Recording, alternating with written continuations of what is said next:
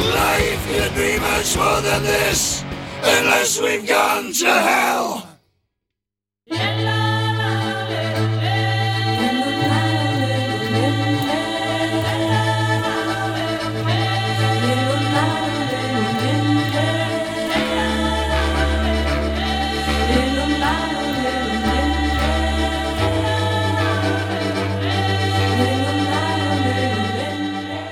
Este mes de marzo conmemorase en todo o mundo o Día Internacional da Muller, día no que os movimentos feministas, sindicais e sociais reivindican a participación das mulleres en pé de igualdade na sociedade e o seu desenvolvemento íntegro como persoa.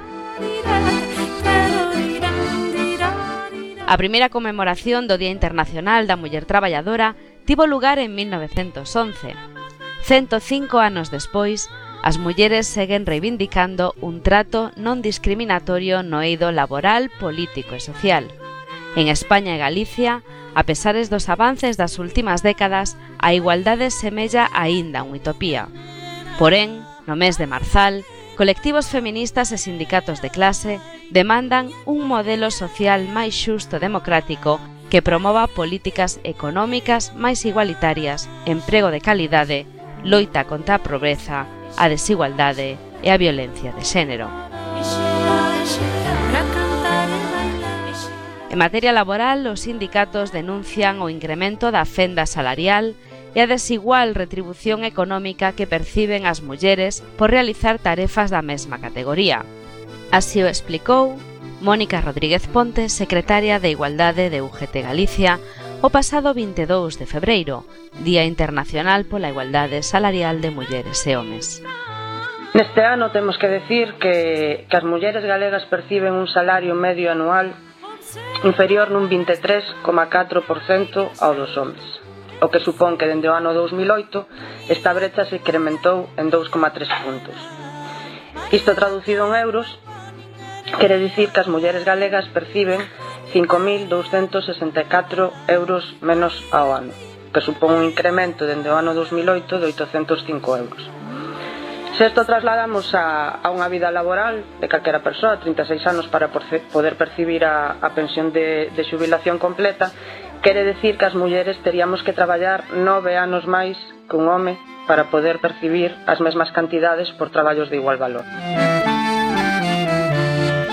UGT destaca que as mulleres non traballan en igualdade de condicións cos homes, non cobran o mesmo, nin hai un reparto equilibrado na atención ás responsabilidades familiares. A brecha salarial en España está na cabeza de todos os países da Unión Europea e con moita diferencia, xa que se sitúa no 33,7%. Ante a falla de recursos, moitas traballadoras víronse obrigadas a asumir a atención da infancia, maiores ou persoas enfermas, eliminándoas do mercado laboral, sen recibir unha contraprestación económica e sen cotización á seguridade social. Todo isto ten consecuencias eh, directas en dous tipos de prestacións como son a de desemprego, no que xa eh, en números somos menor eh, menos as mulleres que accedemos a ela por un lado porque interrompemos máis as nosas carreiras profesionais para atender os cuidados familiares como decía antes por falta de políticas públicas que as atendan e eh, porque moitas veces se acceden a eh, reduccións de xornada como digo, contratos a tempo parcial que fan tamén que se perciban menos ingresos.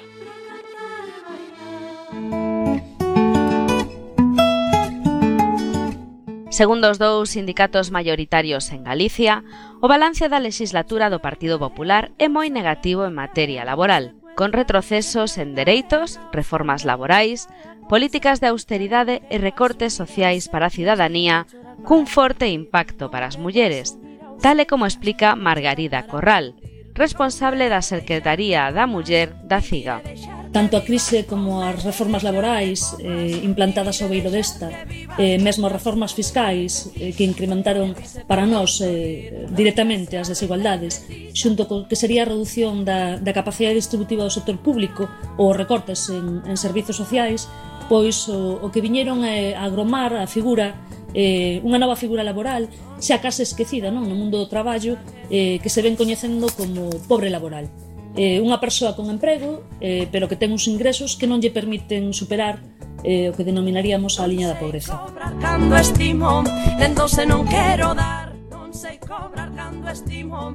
Polo tanto, ampliouse a brecha salarial, multiplicáronse os traballos precarios e aumentou significativamente a presenza de mulleres en xornadas reducidas. En Galicia, o 36% das mulleres asalariadas non acadaron uns ingresos equivalentes ao salario mínimo profesional no ano pasado. Se tivéramos que resumir a situación das mulleres traballadoras en Galiza, poderíamoslo facer eh, empregando seis conceptos. Inactividade, desemprego, eventualidade, empregos a tempo parcial, fenda salarial, economía sumerxida e infrasalarios. En síntese, precarias. Esa que As cifras do paro do mes de febreiro evidencian precariedade na contratación e altos niveis de rotación laboral, o que evidentemente sempre trae consigo temporalidade e precariedade. Así, as mulleres sofren un 20% de paro en Galicia. A súa tasa de actividade segue sendo inferior ao 49%, e a tasa de ocupación feminina é 8,7 puntos inferior á ocupación masculina. Segundo a CIGA, as mulleres en Galicia son traballadoras precarias. As galegas ou ben son traballadoras por conta propia que sobreviven en actividades e negocios que non lles dan para vivir, pero que manteñen abertos eh, ante a falta de alternativas, ou ben son traballadoras asalariadas máis precarias, con contratos temporais, contra sectores laborais eh, inestáveis, con moita rotación laboral, con salarios en moitos casos por baixo da liña da pobreza. Riba do papel As políticas de recortes dos últimos anos supuxeron, segundo os axentes sociais, un grave déficit nas aplicacións de leis como a Lei para a Igualdade Efectiva de Mulleres e Homes ou a Lei de Medidas de Protección Integral contra a Violencia de Xénero. Os colectivos feministas veñen reivindicando medidas máis efectivas contra a violencia machista, como se puido escoitar na Coruña o pasado 25 de novembro nun acto que conmemorou o Día Mundial contra a Violencia de Xénero. Denunciamos que unha de cada tres mulleres no mundo padece ao longo da súa vida un acto de violencia de xénero, maltrato, violación, abuso, acoso, Denunciamos que a violencia machista é a principal causa de morte das mulleres de entre 15 e 44 anos. Por diante do cancro, a malaria, os accidentes de tráfico e mesmo as guerras.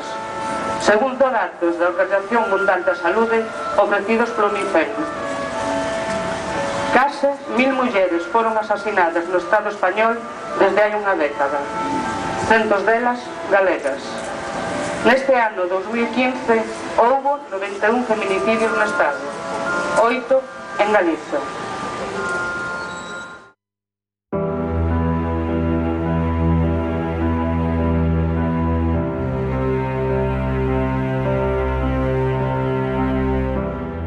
O pasado 2015 en España foron asasinadas 57 mulleres e tres menores en mans das súas parellas ou exparellas. Galicia foi a terceira comunidade autónoma con máis vítimas mortais por violencia machista, con sete mulleres tráxicamente asasinadas. As plataformas de afectadas denuncian que estas cifras están a agochar auténticas tragedias familiares ás que non se dá solución dende as institucións.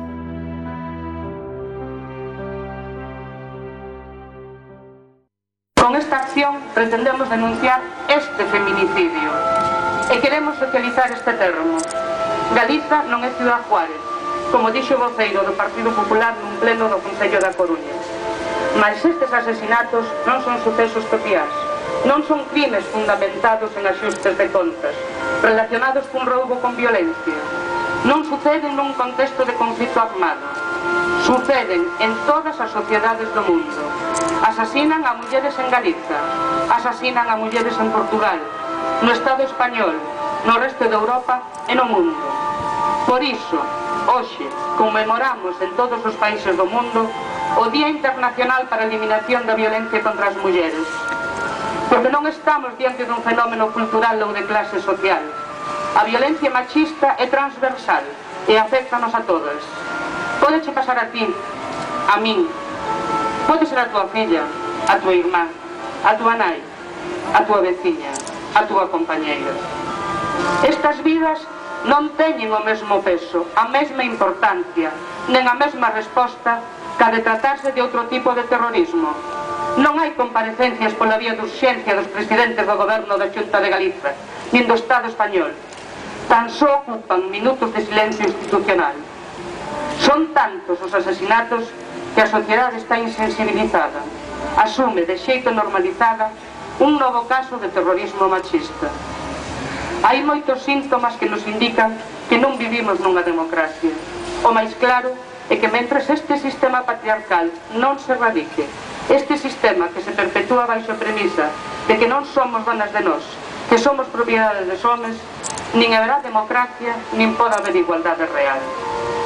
Un dos exemplos máis claros disto témolo no recente debate sobre a legalización do aborto. A pesar da nosa loita, as mulleres seguimos desposuídas do poder de decisión sobre os nosos corpos. O retroceso dos dereitos das mulleres en España manifestouse especialmente coa presentación por parte do exministro de Xustiza Alberto Ruiz Gallardón en decembro de 2013 dunha proposta de reforma da Lei do Aborto que supuña un grave atentado contra os dereitos sexuais e reproductivos, penalizando, en varios supostos, a interrupción voluntaria do embarazo, eliminando a Lei de Prazos aprobada en 2010 e vixente na actualidade. Ante isto, emerxen en todo o Estado miles de plataformas cidadás que saen á rúa para denunciar este intento de criminalización dun dereito humano recoñecido pola ONU.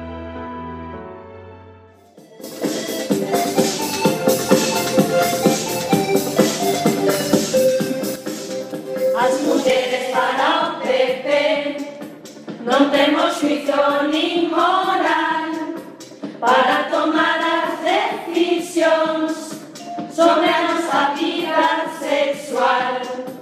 Non somos vítimas xa ves, sabemos como vivir ben, non queremos pais nin xuíces que nos tutelen pode ter dereito ao aborto. Na Coruña constitúese a plataforma da Coruña polo dereito ao aborto, que realiza numerosos actos de rúa para denunciar o que considera un ataque ideolóxico aos dereitos das mulleres, como nos explica Alicia Alonso, voceira da plataforma coruñesa. Pensamos que esta reforma hai que analizala nun contexto moito máis amplo, nun momento no que, coa excusa da crise, todo o poder político, económico, religioso non se está recortando o noso dereito ao aborto, senón que está a impor unha serie de medidas que supoñen un retroceso no conxunto dos dereitos das mulleres. Entón, eh, estas medidas para, para lograr unha saída capitalista mesma afectan dobremente as mulleres, a toda aquela que non encaixa nun modelo de familia tradicional. Cada reforma, ademais, carga contra as mulleres, amosa o seu desprezo máis absoluto e as reduce, como ven facendo dende que está a gobernar o PP, a cidadás de segundo. E nós, como plataforma, queremos dicir que, que non estamos de acordo con, con esta reforma.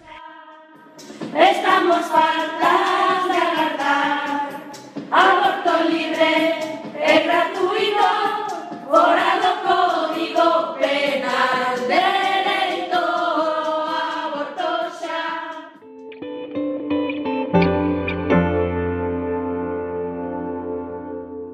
A presión política e social exercida nas rúas ao longo de máis de un ano provocou a retirada da pretendida reforma da Lei de Interrupción Voluntaria do Embarazo, así como a demisión do ministro Gallardón. Porén, as plataformas feministas seguen activas e denunciando os agravios que sofren as mulleres, incluso polo propio sistema galego de saúde. Segundo María Castelo, denúncianse frecuentes casos de violencia obstétrica mas eles consideran violencia obstétrica toda acción ou misión por parte do persoal médico de saúde que dane, lastime, denigre ou causa morte a muller durante a gravidez, o parto ou o properio. Tamén se considera violencia obstétrica o trato deshumanizado, o abuso de medicación, son a patolización dos procesos naturais, así como a omisión da atención oportuna nas emerxencias, etc. etc. Nos cousa por cousas sen poder Relacionado con isto, o pasado 18 de febreiro, a plataforma da Coruña polo dereito ao aborto denunciou publicamente a falta de atención sanitaria ás mulleres que teñen que practicar un aborto eusenésico no sistema galego de saúde, tal e como manifesta Victoria Louro, voceira da plataforma. O motivo polo que convocamos esta concentración é para denunciar a violencia obstétrica que sofrimos as mulleres para reclamar unha atención digna e reivindicar os nosos dereitos sexuais e reproductivos. Do país dun tal Breogán Segundo a plataforma, dende o 2011 ata 2015, efectuáronse 169 abortos terapéuticos, 81 no complexo hospitalario da Coruña e 71 foron derivados a unha clínica concertada de Madrid. Case o 13% destas pacientes reclamaron axuda psicolóxica. Ante o cal, os colectivos feministas demandan un protocolo acorde ás recomendacións internacionais da OMS. Reiteramos a necesidade de poñer en marcha un protocolo que garanta un trato digno ás mulleres que sofren un aborto no segundo trimestre de gestación, tal e como recollen os protocolos internacionais Denunciamos que as autoridades da área sanitaria da Coruña están a vulnerar os dereitos sexuais e reproductivos de todas nós.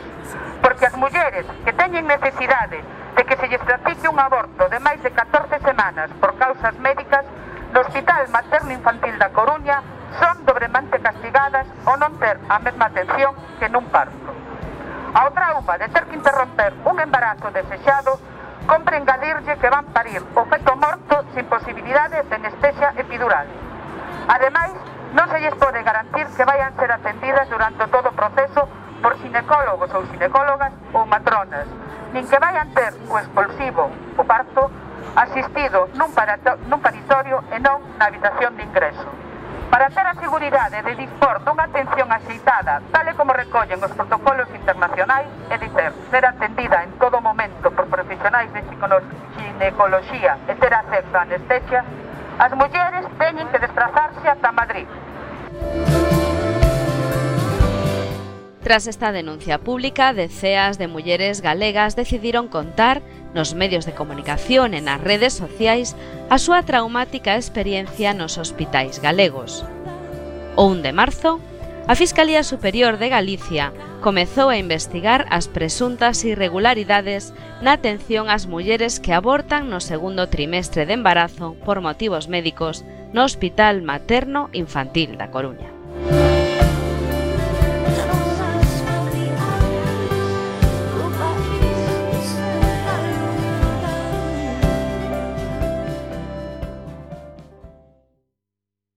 Esta reportaxe, elaborada por Cuac FM, a Radio Comunitaria da Coruña, forma parte da campaña Women's Voice, Voces de Mulleres, unha serie radial internacional producida con apoio do Fondo Global para Radios Comunitarias de AMARC e a ONDG Breath for the World. Cuac FM 103.4 A Coruña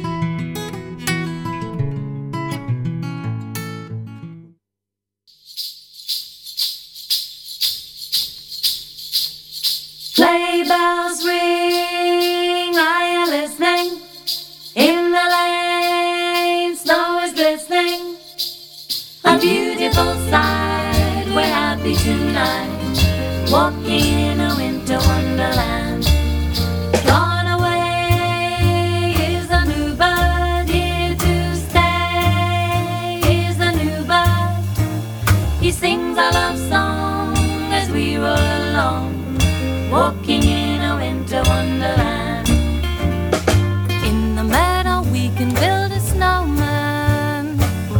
pretend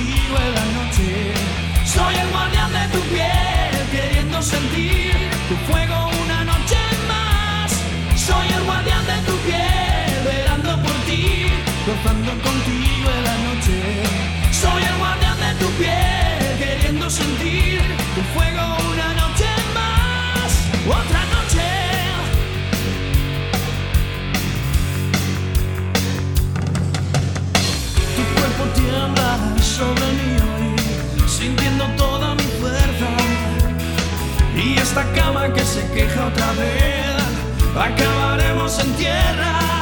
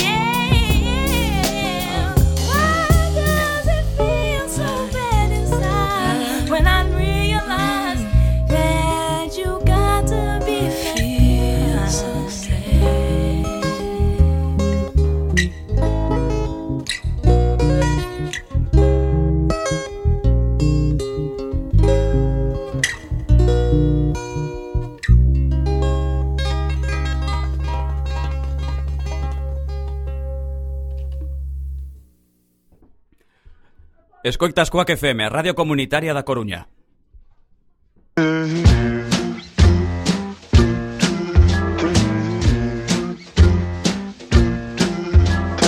I'm dreaming of a white Christmas Just like the ones I used to know Well, treetops glisten and the children listen uh, to hear sleigh bells in the snow, the snow. Said I dreaming of a white Christmas. With every Christmas card I write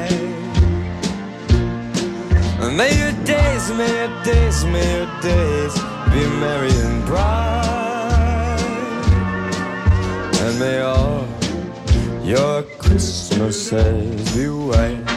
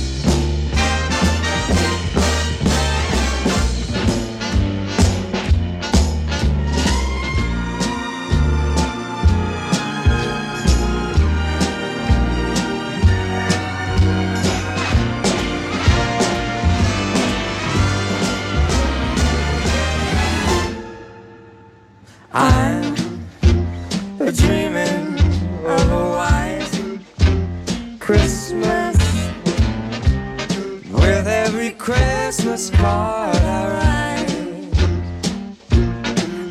May your days be merry and bright,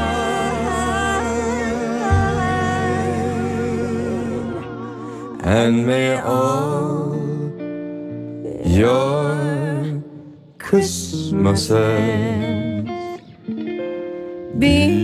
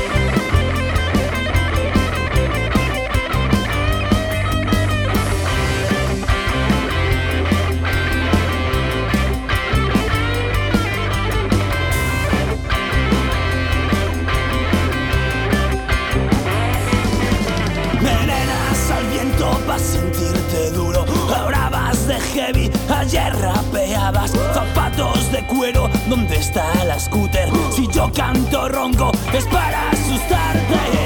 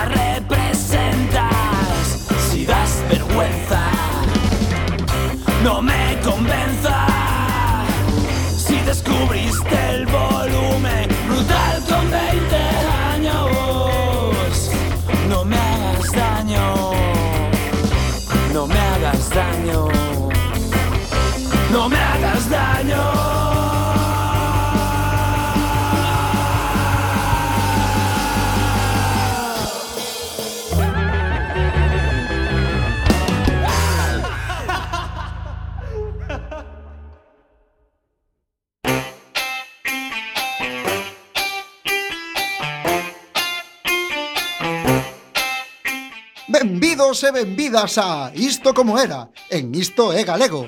Hoxe falaremos das palabras gran e grande e san e santo. Vexamos un exemplo. Ola, Joan. Vas ir á festa de San Andrés? Ou é Santo Andrés? A norma para recordalo é ben sinxela. Cando a palabra seguinte comeza por vogal, utilizaremos santo. Por exemplo, Santo Andrés. Porén, cando comece por consoante usaremos a forma san. Por exemplo, San Xoan. Daquela é Santo Andrés. Xoán, vas á festa de Santo Andrés? Non, eu vou a San Xavier. Cas palabras gran e grande pasa o mesmo. Cando a palabra seguinte comeza por vogal, dicimos grande, e cando comeza por consoante, dicimos gran. No exemplo, Antía é unha gran muller. Si, sí, é unha grande amiga miña. Así rematamos isto como era. Agora xa tedes clara a diferenza entre gran, grande, san e santo.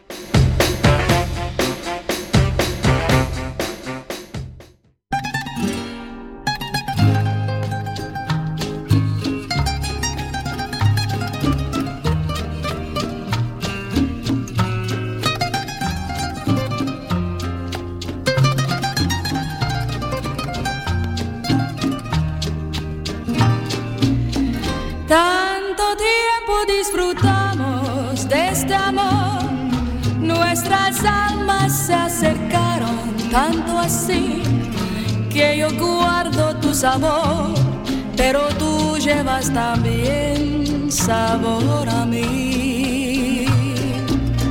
Si negaras mi presencia en tu vivir, bastaría con abrazarte y conversar. Tanta vida yo te di que por fuerza tienes ya sabor a mí.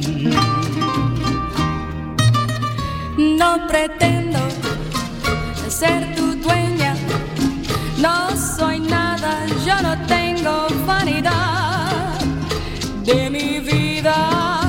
Doy lo bueno, soy tan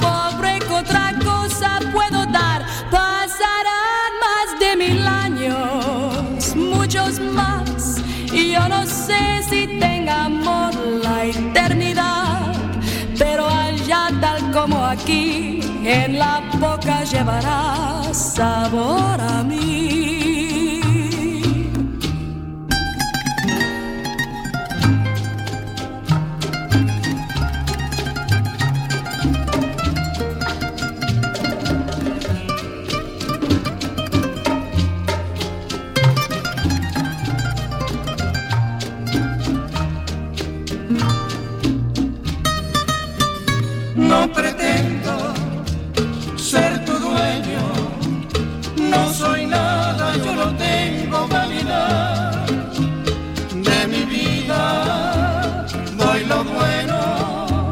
Soy tan pobre que otra cosa puedo dar.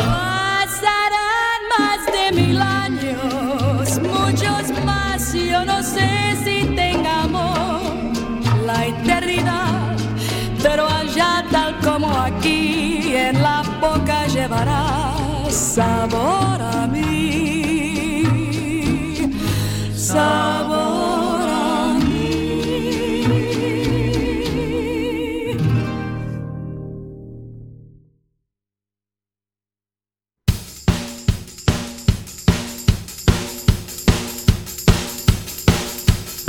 Teléfono para entrar en directo en Quack FM 881 01 2232.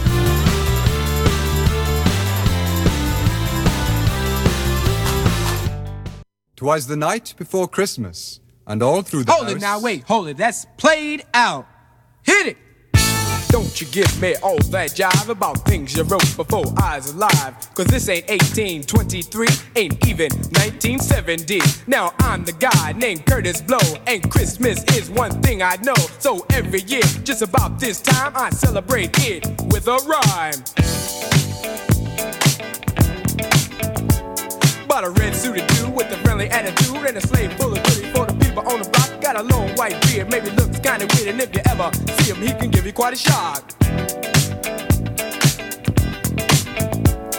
Now, people, let me tell you about last year when the dude came flying over here. Well, the hawk was out, snow was on the ground. Folks stayed in to party down. The beat was thumping on the box, and I was dancing in my socks. And the drummer played at a solid pace. And the taste of the bass was in my face. And the guitar player laid down the heavy layer of the funky chunky rhythm of the disco beat. And the guy with the 88 started to participate, and I could sure appreciate the sound so sweet. We were all in the mood, so we had a little food and a joke and a smoke and a little bit of wine. When I thought I heard a hoop on the top of the roof, could it be it wasn't me? I was feeling super fine, so I went to the attic where I thought I heard the static on the chance that the fans was somebody breaking in. Put the noise on the top with a reindeer top, just a trick, Saint Nick, and I let the sucker in.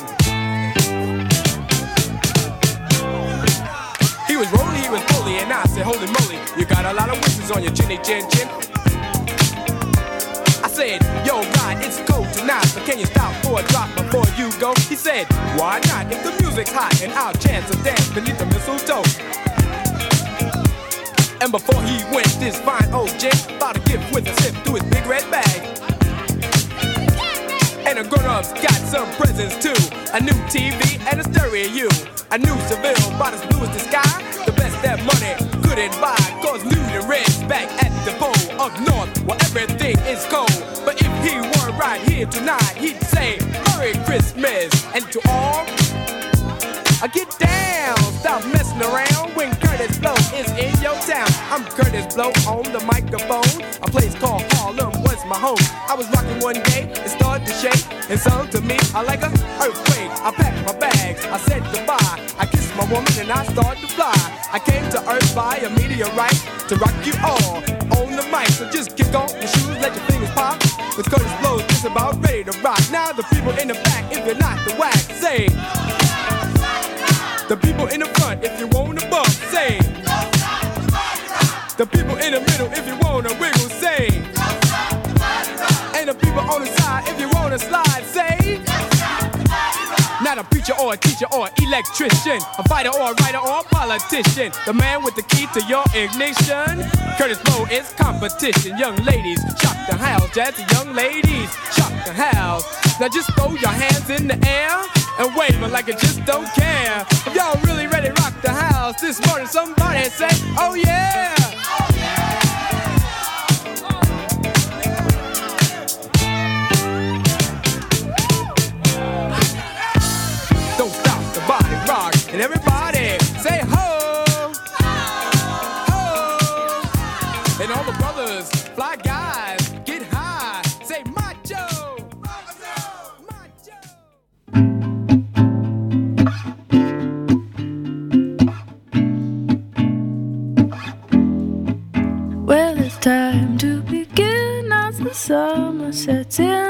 A scene you set for new lovers. You play your part, painting it a new start, but each gate will open another. June, July, and August said it's probably hard to plan ahead. June, July, and August said it's better to bask in each other.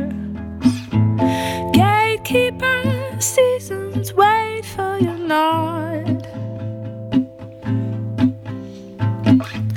Gatekeeper, you held your breath, made the summer go on and on. Well, they tried to stay in from the cold and the wind, making love and making their dinner. only to.